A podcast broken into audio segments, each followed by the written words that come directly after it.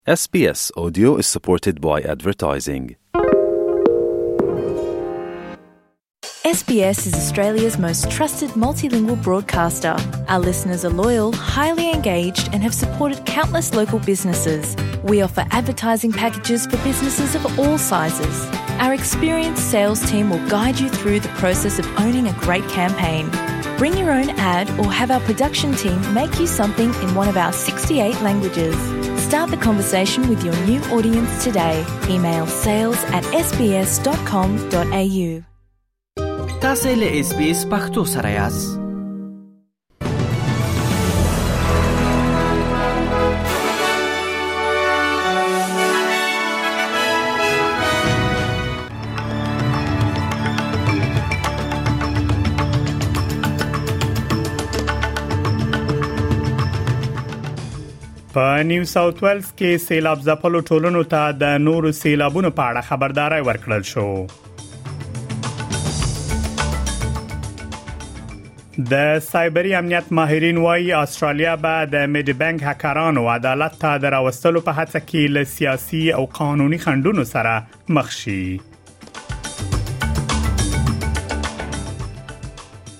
د بشري حقوقو نړیوالو ادارو د طالبانو لخوا پر خزو نوي لګول شوی محدودیتونه غندلې دي او د کرکټ شلوریز جام ورستۍ لوبه سبا د پاکستان او انګلستان د لوبډلو ترمنځ په ملبون ښار کې تر سره کیږي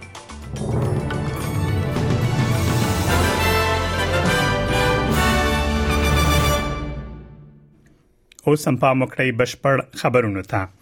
په نیو ساوث ویلز ایالت کې سیلاب ځپلو ټولنو ته د نورو سیلابونو په اړه خبرداري ورکړل شو د دغه ایالت د بیړنیو خدماتو اداره وایي د باران د ورښت امکانات شته چې ممکن په ځینو سیمو کې دغه بارانونه د سیلابونو لامل وګرځي د نیو ساوث ویلز ایالت د بیړنیو خدماتو وزیر اسټیف کوک د دغه ایالت په اوسیدونکو غږ کوي ترڅو محتاط پاتې شي او ټولو لارښوونو ته پاملرنه وکړي هغه وایي چې څلور نوي خبرداري شتون لري چې یو لسی په بیړني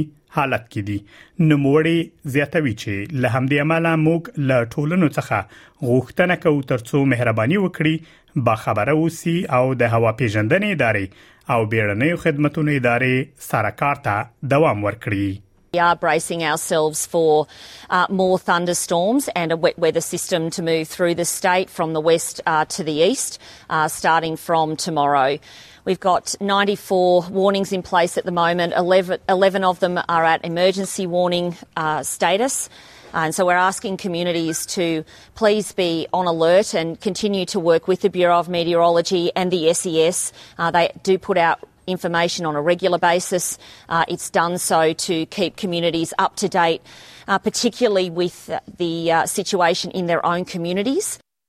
د سایبری امنیت ماهرین وایي استرالیا به د میډي بانک هکرانو عدالت ته د راوستلو په هڅه کې له سیاسي او قانوني خندونو سره مخ شي تیر ورځ د استرالیا فدرال پولیس وویل چې میډي بانک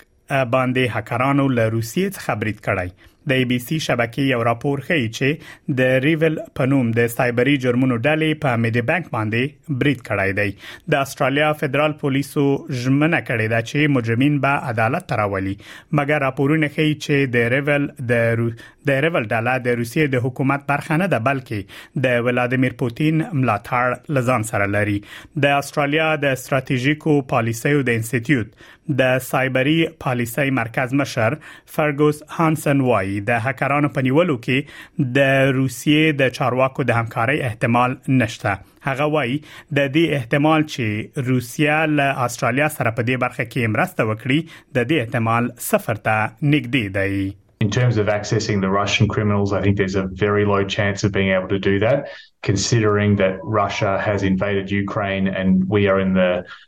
in the position of supporting Ukraine. So I think the desire of the Russian government to help us with this case would be very close to zero.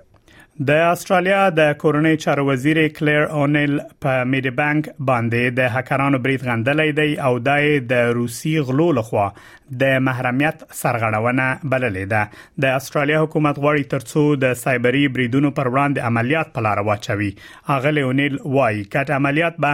یو دایمي ځواک وي چې د بریدونو د مخنیوي په لټه کې وي نه دا چې یوازې د سرغړونو په وخت کې عملیات وکړي نو موړي وايي حکومت په دې سخت وخت کې د میډي بانک د پیرودونکو ترڅنګ ولاړ دی هغه زیاتوي چې دا د خلکو حق د ترڅو د روغتیا په اړه شخصي معلومات وساتي مګر دا معلومات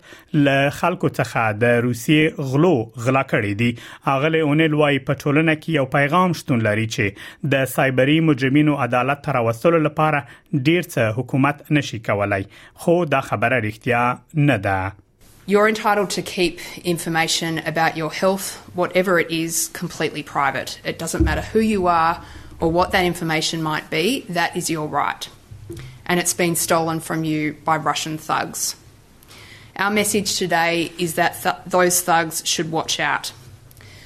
There is a perception out there in the community, I think, that not much can be done to bring cyber criminals to justice, and that is not true.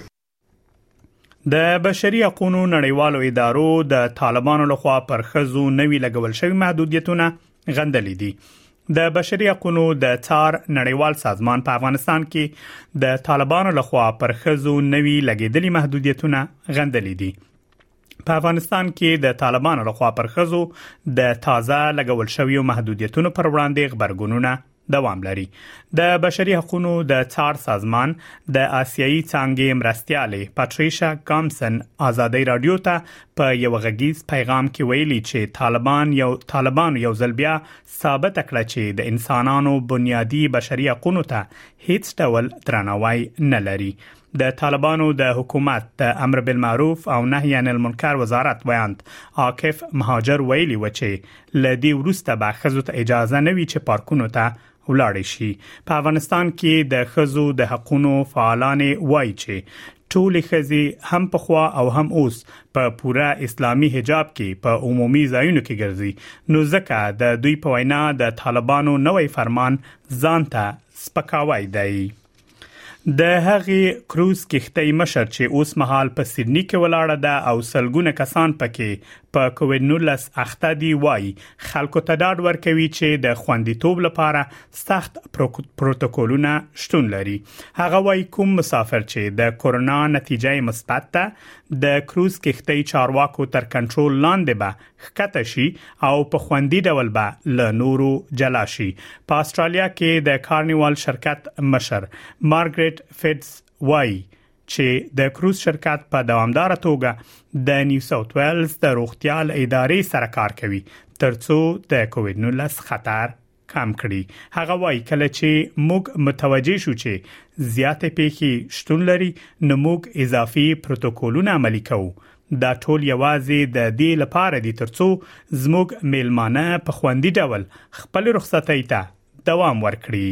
د کرکټ نړیوال شلوریز جام وروستۍ لوبه سبا د پاکستان او انګلستان د کرکټ ملي لوبډلو ترمنځ تر سره کیږي ټاکل شوی ترڅو د پاکستان او انګلستان ترمنځ وروستۍ لوبه سبا د یک شنبه په ورځ په ملبون ښار کې تر سره شي د پاکستان لوبډلې په لومړنۍ نیمه پایلوبه کې نوي زیلند ته او انګلستان په دویمه نیمه پایلوبه کې هند ته ماته ورکړه او دواړو لوبډلو پایلوبې ته لار پیدا کړه د کرکټ د شلوریز جام په سیالیو کې چې په 2009 میلادي کال کې پیل شوې دي تر اوسه پورې پاکستان او انګلستان یو یو ځل اتلولي ګټلې ده افغانستان هم په سګنیو نړیوالو لوبو کې ولوبید خو هیڅ یو لوبه ونه ګټله او د ګروپونو ترمنځ د لوبو په پړاو کې له پرمختګ څخه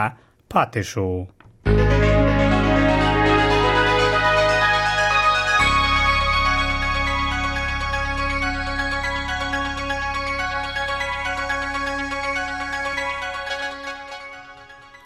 اوس هم پام وکړئ د هوا حالاتو ته په سیدنی کې ډیری لمر د تودوخې لوړه درجه شپږ ویشت په ملبون کې د باران امکان شته د تودوخې لوړه درجه یوشت په برزمن کې لمر د تودوخې لوړه درجه دیرش په پرت ښار کې نیمه ورځ د تودوخې لوړه درجه یوشت په اډلیډ کې وریز او باران د تودوخې درجه 15 په داروین کې باران او طوفان د تودوخې لوړه درجه 4 دیرش په کانبرا کې باران او د طوفان امکان شته د تودوخې لوړه درجه 15 په نیوکاسل ښار کې نیمه ورځ د تودوخې لوړه درجه 28 او له استرالیا څخه بهر په کابل کې نیمه ورځ د تودوخې لوړه درجه 14 او ټیټه 2 په پیښور کې هم نیمه ورځ او د باران امکان شته د تودوخې لوړه درجه 24 او ټیټه هم 11 دا هم د استرالیي ډالر پر وړاندې د نور اسعارو بیه د استرالیا یو ډالر وش پېته امریکایي سنټه یو استرالیي ډالر 15 پېته یورو سنټه او 50 بریټانوي پنسه د استرالیا یو ډالر 0.5 څلور پنځوس هندیو کلدارو او یو سلو اته څلويختو پاکستانیو کلدارو سره برابرېږي او د استرالیا او ډالر اته پنځوس افغانۍ کېږي خبرونه همدمره و لاملتیا مو مننه کوم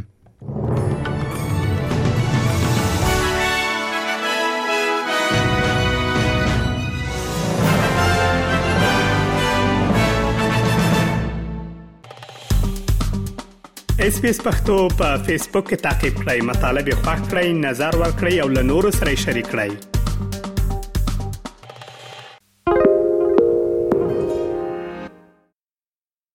SBS is Australia's most trusted multilingual broadcaster. Our listeners are loyal, highly engaged, and have supported countless local businesses. We offer advertising packages for businesses of all sizes.